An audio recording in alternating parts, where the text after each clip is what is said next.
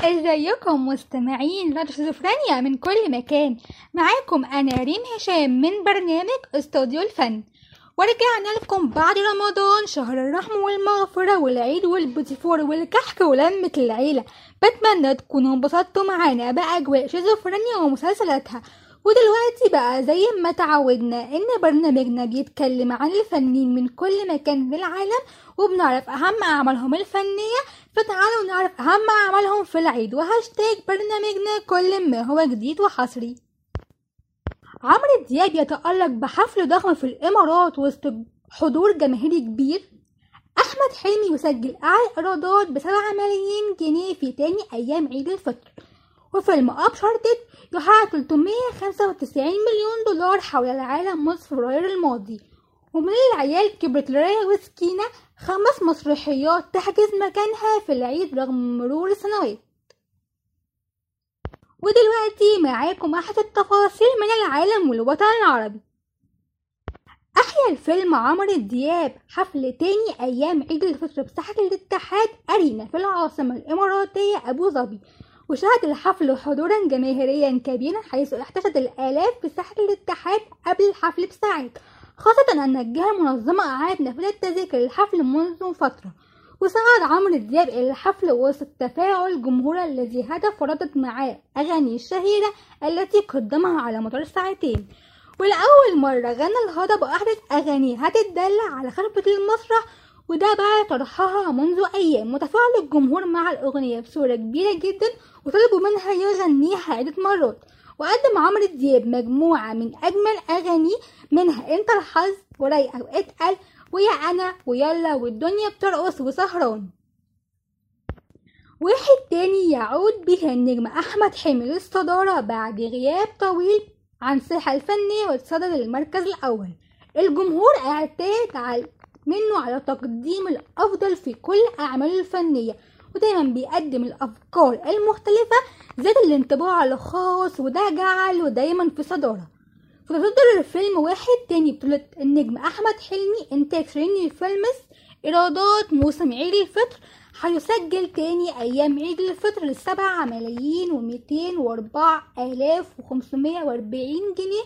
بدون العرض السينمائي ومن المتوقع أن يحقق الفيلم أرقاما قياسية. وقدم أحمد حلمي خلال مسيرته الفنية عدد كبير جدا من الأعمال الفنية اللي أبهرتنا ومتحتنا وضحكتنا من أهمها فيلم ميدو مشاكل وجعلتني مجرما وظرف طارئ وآسف على الإزعاج وألف مبروك. وعسل أسود وبلبل حيران ولف ودوران وخيال مآتة وحاس خلال مشواره الفني على جوائز عديدة.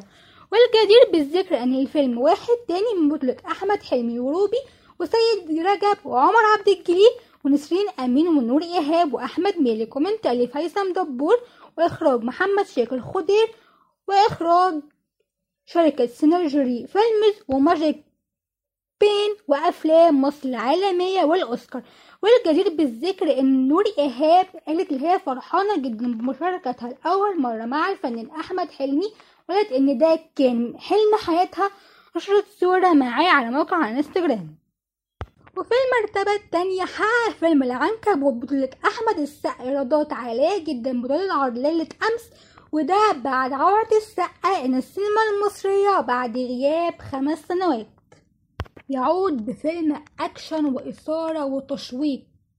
الفيلم من بطولة أحمد السقا ومنى زكي وظافر العابدين ويسرا اللوزي وريم مصطفى ومحمد لطفي وأحمد فؤاد سليم والراحل زكي فاطمة عبد الوهاب وأكرم الشرقاوي ومحمود غريب وعدد آخر من الفنانين. وإضافة إلى ضيوف الشرف محمد ممدوح وشيكو وشيماء سيف وهو من تأليف محمد ناير وإخراج أحمد نادر جلال. وفي المرتبة الثالثة يأتي فيلم زومبي للفنان علي ربيع الذي حقق نجاح كبير جدا بدور العرض من تأليف أمين جمال وإخراج عمر صلاح وبطولة علي ربيع وحمدي مرغني وكريم عفيفي وهاجر أحمد ومحمد أوتاكا ومحمد محمود. وعدد آخر من الفنانين. وصلت إيرادات فيلم أبشرتد إلى 395 مليون واتنين ألف دولار بشباك التذاكر العالمي وده من طرحه يوم 18 فبراير. والعمل من إنتاج شركة سوني وصلت مدته إلى ساعة وستة وخمسين دقيقة. وطبعا ما ينفعش ننسى إن ما ينفعش يعدي رمضان إلا وإحنا منتظرين كلنا أمام الشاشات عدد من المسرحيات التي حفرت أسمائها في قلوبنا في التاريخ. حتى بات الجمهور فعلا لا يمل من مشاهدتها وحرص عليها القنوات كلها على إعادتها من أجل المشاهدين وهي مسرحيات كسرت لحاجز الزمن وتظل تحظى بنسب مشاهدة عالية جدا رغم مرور السنين عليها. موجودة في قلوبنا كنا عمرنا ما هننساها. العيال كبرت وشاهد ما شافش حاجة والمتزوجون ورايا وسكينة وجهة نظر.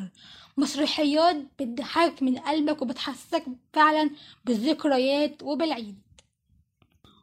وطبعا كل سنة وأنتم طيبين وربنا يجعل حياتكم كلها عيد وبكده تكون انتهت حلقتنا النهاردة. بتمنى تكون عجبتكم. استنوني كل يوم سبت الساعة 8 مساء على راديو شيزوفرينيا. أشوفكم على خير.